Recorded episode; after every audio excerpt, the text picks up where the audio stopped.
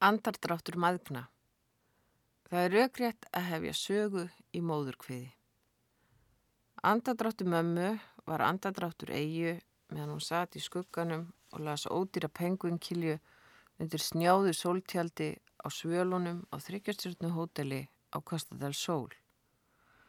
Hún var í farbanni, fekk ekki að fljúa heim til Íslands fyrir en það hætti að blæða. Í verstafalli þyrtt hún að eiga barnið á spáni. Mammenar aðeins sendt henni malt. Hún kom engu öðru niður nema banunum og tómatasalati. Enni var ómátt, stundum fann hún fyrir loftræðslu við minninguna um hótelið sem hrundi með sundlu á þakkinu áður en barnið kom undir. Þá drakk hún gín í tónik með kærastanum í síðdegisólinni þegar rík skíin þyrrliðst upp með drönum. Til allra hamingju var ekki búið að výja hótelið, framkvæmdur höfðu tafist vegna sifjulegra verktaka sem stálu öllu steini léttara, þannig til þeir höfðu stólið einu múrstinni og mikið.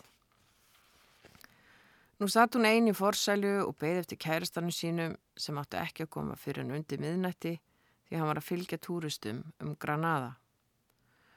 Nokkur sinnum í viku þvældist hann með rútu full af skadbrendum sveittum Íslendingum frá Malaga til Granada til að skoða höll Arabana Alhambra. Stundum fór hann alla leðina til Marokko til að hjálpa túristunum að kaupa teppi í Tansýr og fá mynd af sér með kirkislöngu um hálsin. Hann spíksporaði narreistur með hópa másandi ferðalöngum í eftirdrægi Sjálfu dökkur eins og Mári með hárbrúsk eins og Jimi Hendrix, grannur og léttfættur í útvíðum gallaböksum, spænskum leðurstígulum og arababössu með leðutösku um aukslina. Ábyrjandi laglegur, augun seiðandi eins og augu teppakaupmana. Hún vissi að konur eldu hann með augunum. Þegar hann skilaði sér heim á hótelið svaf mamma þrátt fyrir hávært loftræsti tækið. Hún hraud látt með fætuna upp á tveimu púðum, berfætt í mógrænum óléttuskokki með berjamunstri, bundnum um axlirnar, föl og sólbrún í senn. Sólinn búinn að lýsa upp ljósbrúna lokkana sem liðuðist niður á herðarnar. Farnir að dökna aftur, líkt á stort, röðleitt nefið kvítnaði því hún mátti ekki vera úti í sólinni. Það var liðið fram á haust. Nýkominn vetur þegar henni lukkaðist að ná síðustu útsínarflugferðinni heim í djöfulóðum loftvindum svo vélinn skókst eins og koktelhristari yfir allansafinu. Tvítug móðurinn hafði ekki hugmyndum hvað eitt að gera við batnið þegar það var komið í heiminn. Að spurði einhver tíman af hverju hún hefði ekki bara spurt mömmu sína og spurningin hljómaði raugrétt því þau bygguði heima hjá ömmu fyrst eftir fæðinguna.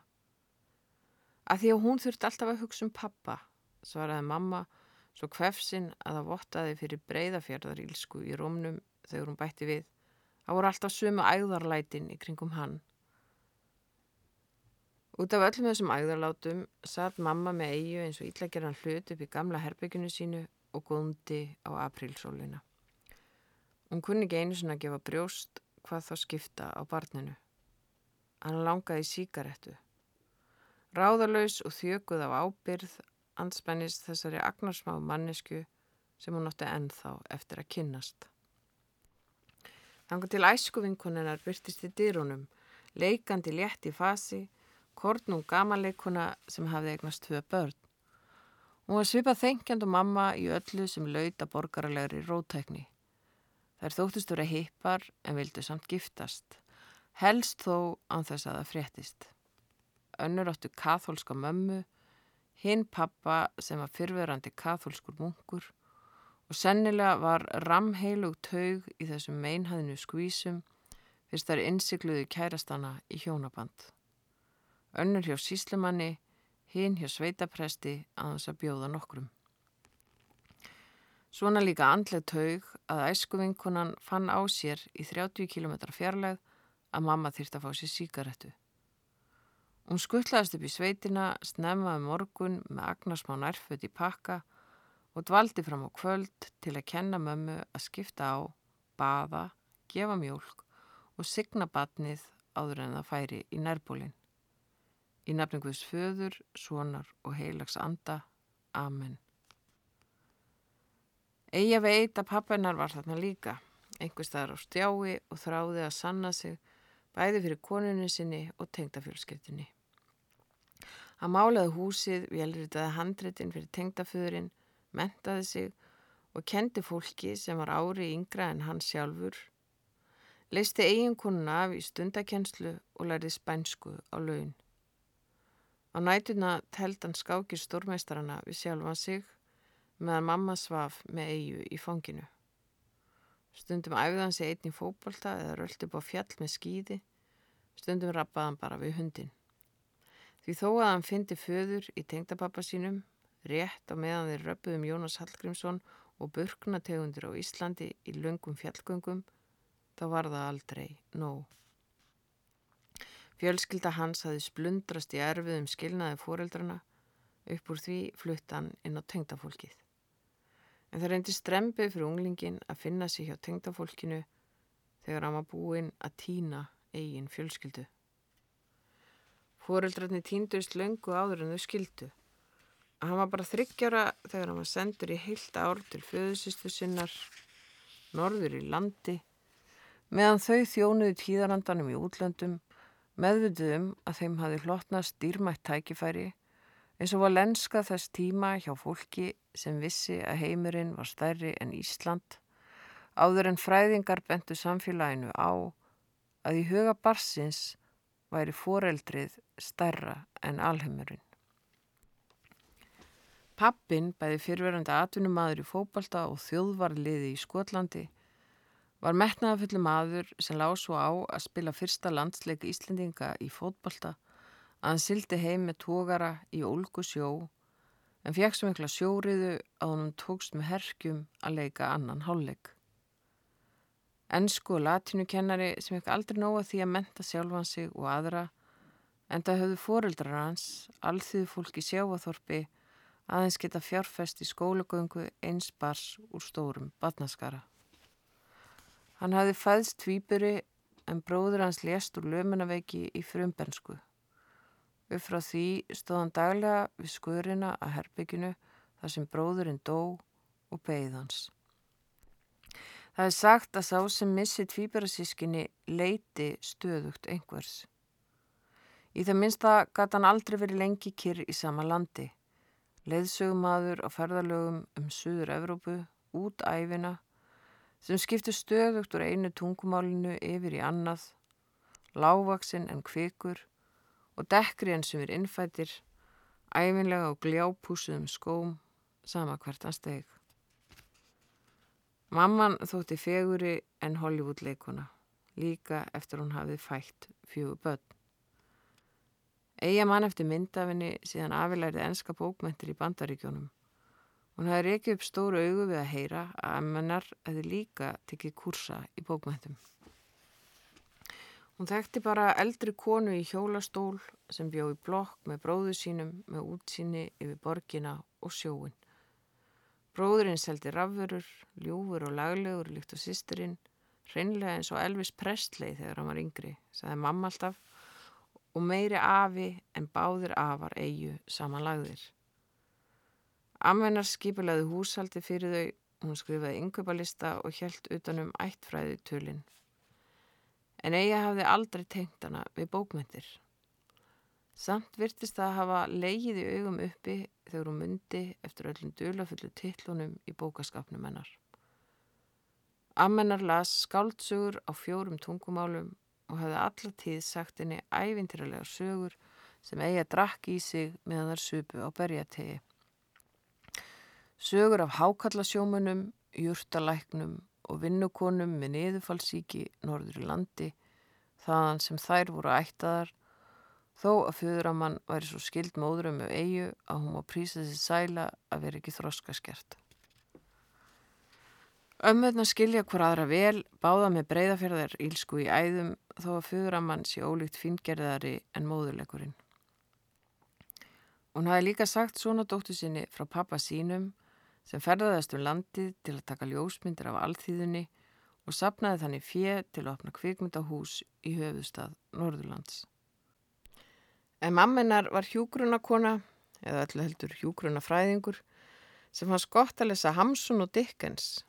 Hún vann á spítalanum, þeim hinnum sama og var leitt rammagn frá heim til ömmu þegar hún var kornung að fæða fyrsta barnið í einu mesta afdaka veðri sem gekk yfir landið á síðustu öld.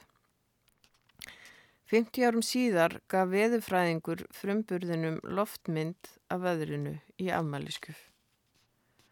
Myndin myndi á síðustu verk Jacksons Pollock. Afmælisgestirnir ákvöp stór augu við tilhugsunina um að nokkur hefði haft fyrir því að koma í heiminn í öðrum eins darraða dansi. Það var pappa líkt. Hann ræðist ekki náttúruna heldur ber takmarkalösa virðingu fyrir henni. Fyrir hluta æfinar á hann eftir að róta í geitungabúum, setin hluta æfinar veran í mist tröstveikjandi rellum, skoppand á milli heimsluta í öllum veðrum til að hlusta á allra landa sérfræðinga spá í framtíð jarðar eða endalók jarðar Það fer eftir því hver á orðið. Það eina sem skýtur honum skelki bringu eru sögurnar mömmu hans. Því fjölskyldu pappa leikja dramatískustu sögurnar ósagðar, andstætt móður fjölskyldu eigu að sem allt er látið gossa, alltaf hreint, stundum einum og mikið af því góða. Á ljósmyndinni er föðuramma eigu leindardómsfull eins og hún er fögur. Hún klæði stutt um danskjól með víðu pilsi og hefur smegt gollu yfir axlirnar þar sem hún stendur við hlið einmannsins og þau brosa órætt framann í kvöldsólina. Um svipa leiti helt sonur þeirra upp á fjögra ára ammalið hjá föðusisturinni sem hann kallaði Öggu. Setna var hann sendur öll sumur í sveit til silungabænda í Mývasveit. Hjóna sem voru honum svo góð að á endanum vildi hann vera hjá þeim yfir veturinn.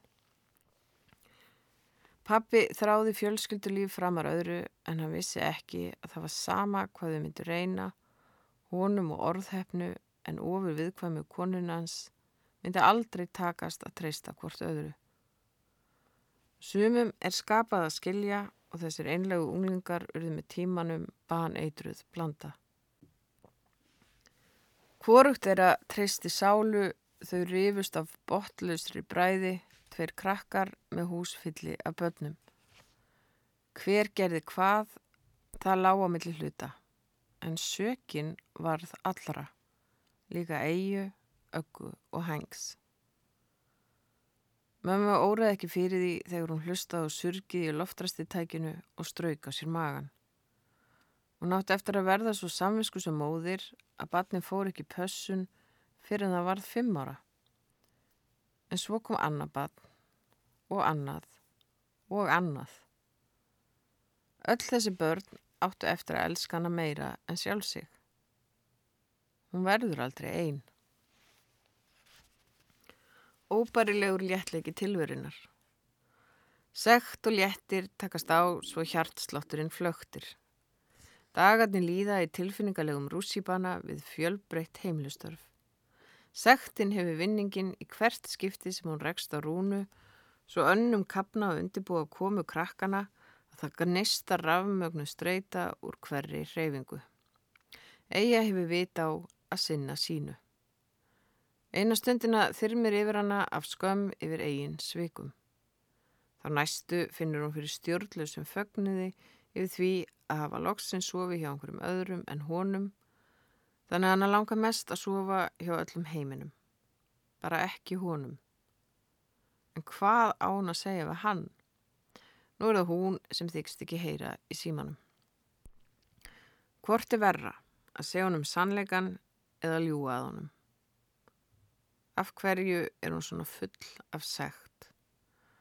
Ætti hún kannski að senda honum pakka, einhverja skáldsögu og salgæti? Hann er hrifin að kundera, búin að lesa óbærilegan léttleika tilverunar spjaldan á milli. Kanski getur hún fundið kveðjuvalsinn í Sundsvall. Hún verður að hægt að hugsa, hugsa eigalóksins, daginn sem mínibúsinn skransar á hlaðinu, hlaðin spriklandi krökkum með íslenska fánan. Rúna hlýtur að hafa gefið þeim fánana. Hann rámar í að hafa síðan að bera kassa út í bílinn fyrr um morgunin, svo stífa af streitu að hún yrsti kvorki á eigu nýja smástrákana sem hefðu vita og þvælast ekki fyrir fótumennar heldur byðu inni í bílnum. En þangað átti eigi ekkert erindi. Hennar hlutverk var að taka skamlaust til hressingu fyrir börnin sem eruðu áræðanlega skrælnuð og þorsta eftir langan bíltúr í steikjandi hita. Krakkarnir hópast út í bílnum, sex drákar og sex stelpur, flest í stuppbuksum og álíka fljóta tína fánunum. Lestina rekur hávaksinn strákur, töluvert eldri en þau, kannski 17, jafnvel 18. Ljósarður með frokkið hár og blá augu. Íþróttamannslegur í gallabugsum við kvítan stuttarmannból. Hann bróðsir afslappaði leiðu og nikkar. Svo líku fyrirsætu í raksbyrjauðlýsingu að garrin hefði verið fljótur að kalla hann píku. Þetta hlýtur að vera strákurinn sem Rúna myndist á daginn áður í fyrsta sinn. Sæðist það var retta strák, en það útséð um að eiga væri til stórraðana En hún yrði ekki það minnsta að gera sér þann greiða, gjör svo vel að sjá hann í friði eða hún hliti verra af. Ega lofaði því, yfir sér spennt að sjá strákin. Og þarna var hann, sætari en sigur reyrin á kúpu. Skíðadrottningin sendi henni ílt augnaráð undan kaskeitinu svo hún hendist á fætur og leitt einaferðina enni við borðið með snarlinu handa börnunum. Óaðfinnanlegt að eigin mati en reynslan hefði kentinni að það var langt í frá óvífengjanlegt. Krakkarnir veldinni nánastum koll þegar þau hendast að borðinu, beinustu leiða djúskonninni, svo berja safinn skvettist upp um alla veggi með þau svala þorstónum, fyrðu barstleg með að við að flestir að verða tólvara og þó. Það er ekki oft sem þau komast bæð upp í sveit og til útlanda, foreldra laus sama daginn.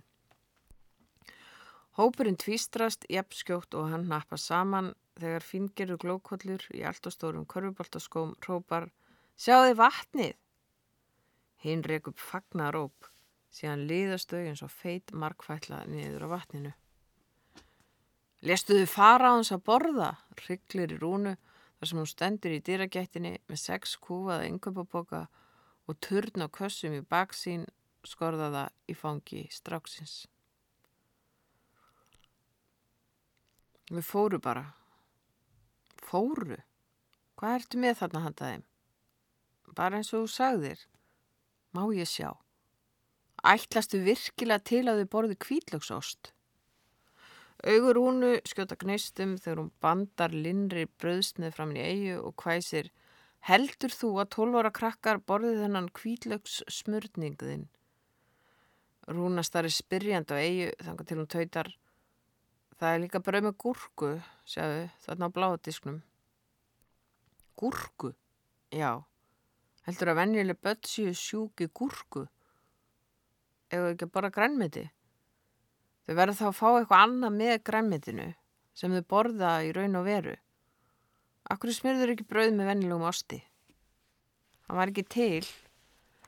Jú, hann er bara í ískapnum inn í geimslu og líka kindakæfa og meira sæði jarðabærjarsvölda. Ef sumur myndu stundum bara hlusta í staðan fyrir að vera alltaf að láta sér dreymi um einhver að kalla. Ha, eins og ég veit ekki hvað þú ert að hugsa. Eija hörðu stjörf á rúnu. Vanlíðan hennar er í þann mynd að ná söðupunkti. Hvað á hún að segja? Hún varpar öndinni léttar þegar bann heyrist öskra Geitungur! Og hinn þjópta æpandi allar áttir Svo Rúna enda sendist að stað með skipunum út og söður. Svona, komið krakkar, hann og nú, þegar það borða. Krakkarnir æsast öll á hlaupunum, aldilist til í að leika við kettlinguna með skiknið. Hún hóar á þau eins og rollur millir þess sem hún hvæsir og eigu að það sé ekki setna vætna að selflítja matselju yfir allanshafið. Nú þurfur hún að punga út fyrir því og kristaltært að sumir hafi ekki staði við sinn hluta samkómalagsins. Það hefði aldrei kvarla að henn að bjóða eigi með hann á órað fyrir því hvað hann þurfti mikla endurhafingu. Nei, ég skil, ásar eiga.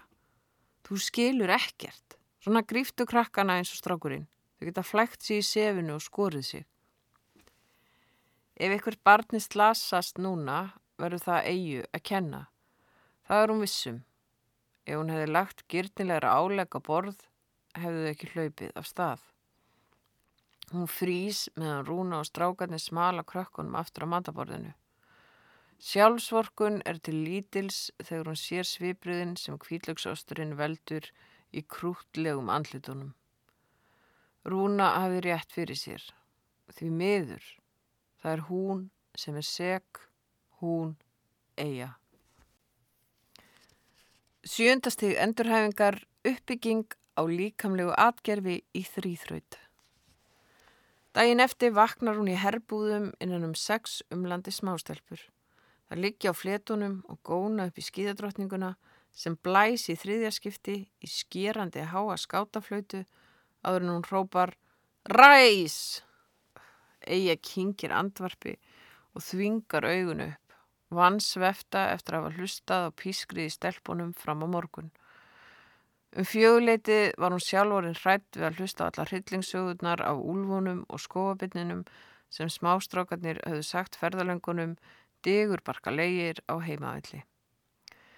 Þrátt fyrir það var ofstutt síðan Eija var sjálf unglingur til að hún hefði hjarta í sér að sussa á þar. Nú er klukkan halv átta.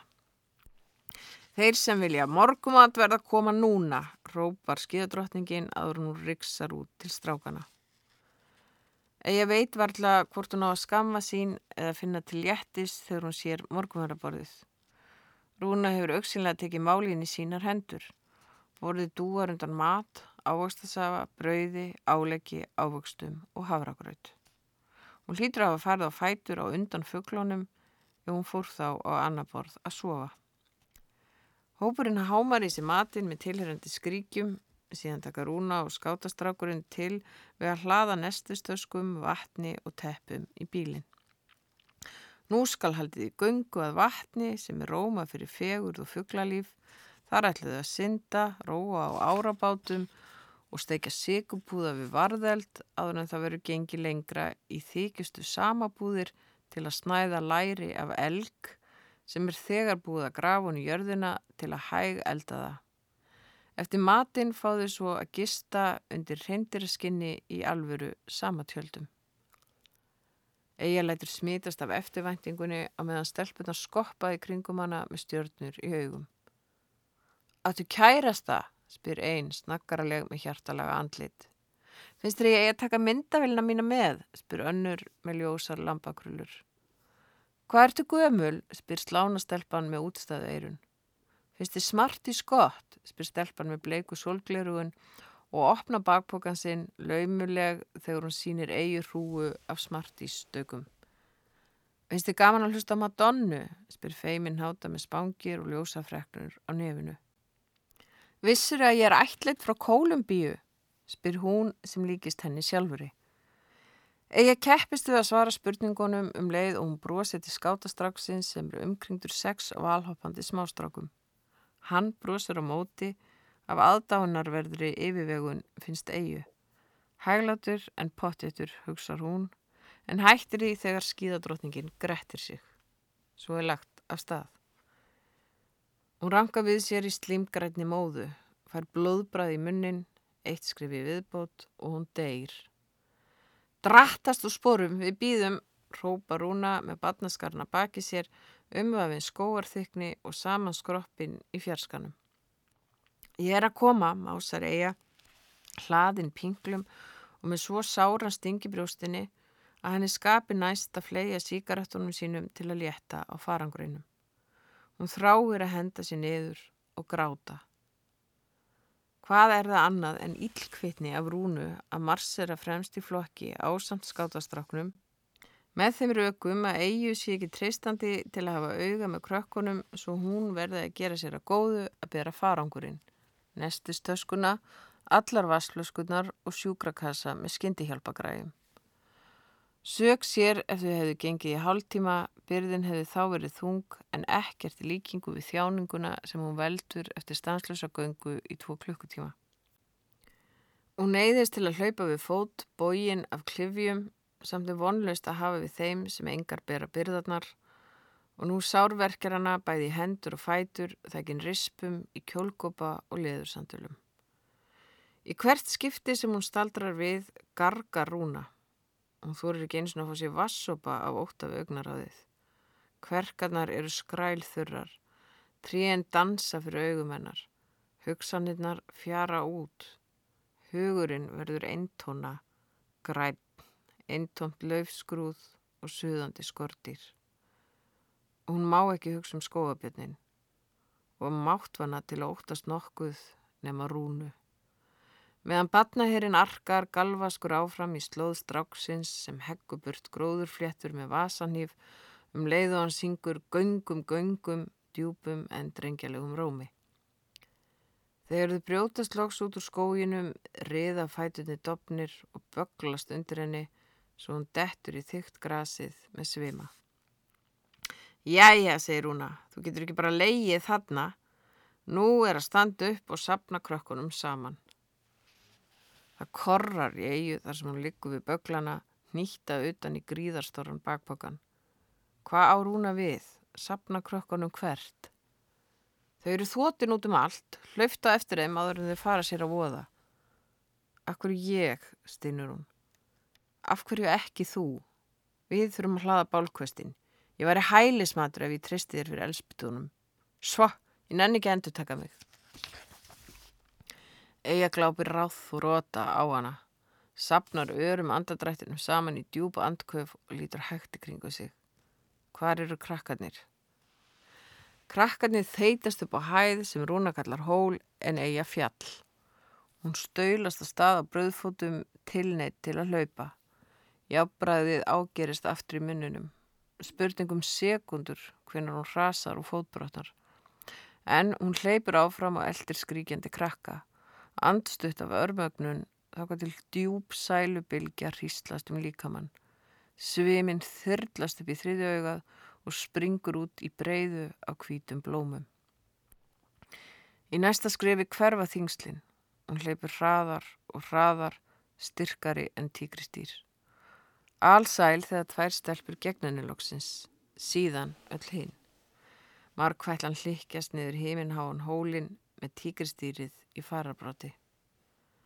Á loknum fyrstu tveim hlutum þrýþrautarinnar er hún hlaðin ofurmannilegri orku, laus undan auka kílóum af fytu og sekt. Hún þampa ferst vatn og læk og andarað sér óumræðarlegum létti yfir einhverju sem hún veit ekki hvað er. Hvað sem það var, þá er það farið. Hún starir í leiðsla á varðeldin sem logar æglaðar en læti sér hvergi bregða þegar Rúna skýst upp á milli logana og hrópar að hún verði að synda undir eins út af prammanmaðna og banna stráka raskotunum að róa lengra út á árabátnum. Hver einasti vöðvi þaninn af lífsorku þegar hún stingur sér út í vatnið og kafar lengra og dýbra inn á milli slímugra steina og sofandi fiska. Går til hún stingur upp kollinum skamt frá prammanum. Vöðvarnir herðast, dópa mín flæður um skrokkin. Þegar hún man hversu stutt það er síðan, hún þorði varla að dífa tánum í stöðuvatn. Nú svamlar hún mitt í stóru vatni og skipa strákunum í land. Strákunni sigla á eftir henni í land, stolt fylgdarlið afraugskonu í langsundi. Tveim tímum síðar sitja þau í kringum búlduleita samakonu með þungt grátt hár sem hangir niður og bak í fléttu. Hún skamtar þeim kjötflísar og býður þeim salt úr trekrús til að strá yfir full eldaðan elgin. Andrúsloftið er kyrt, hitast þig hvorki kallt niður heitt, nána stáleðandi í mátulegri stillu. Brátt færist Sivjan yfir hópin og þau skrýða undir reyndirrafeldi allt í kringum snarkandi eld sem ríkur úr í gegnum strömbóp á toppi samatjálsins og liðast upp til stjarnana. Þarna og hvergi annar staðar viljum vera. Í reglulegum andadrætti barnana, kröftugum hrótum rúnu og stöku kveini í smástrákunum sem litur draumi rætast að borða grillaða halakvörtu.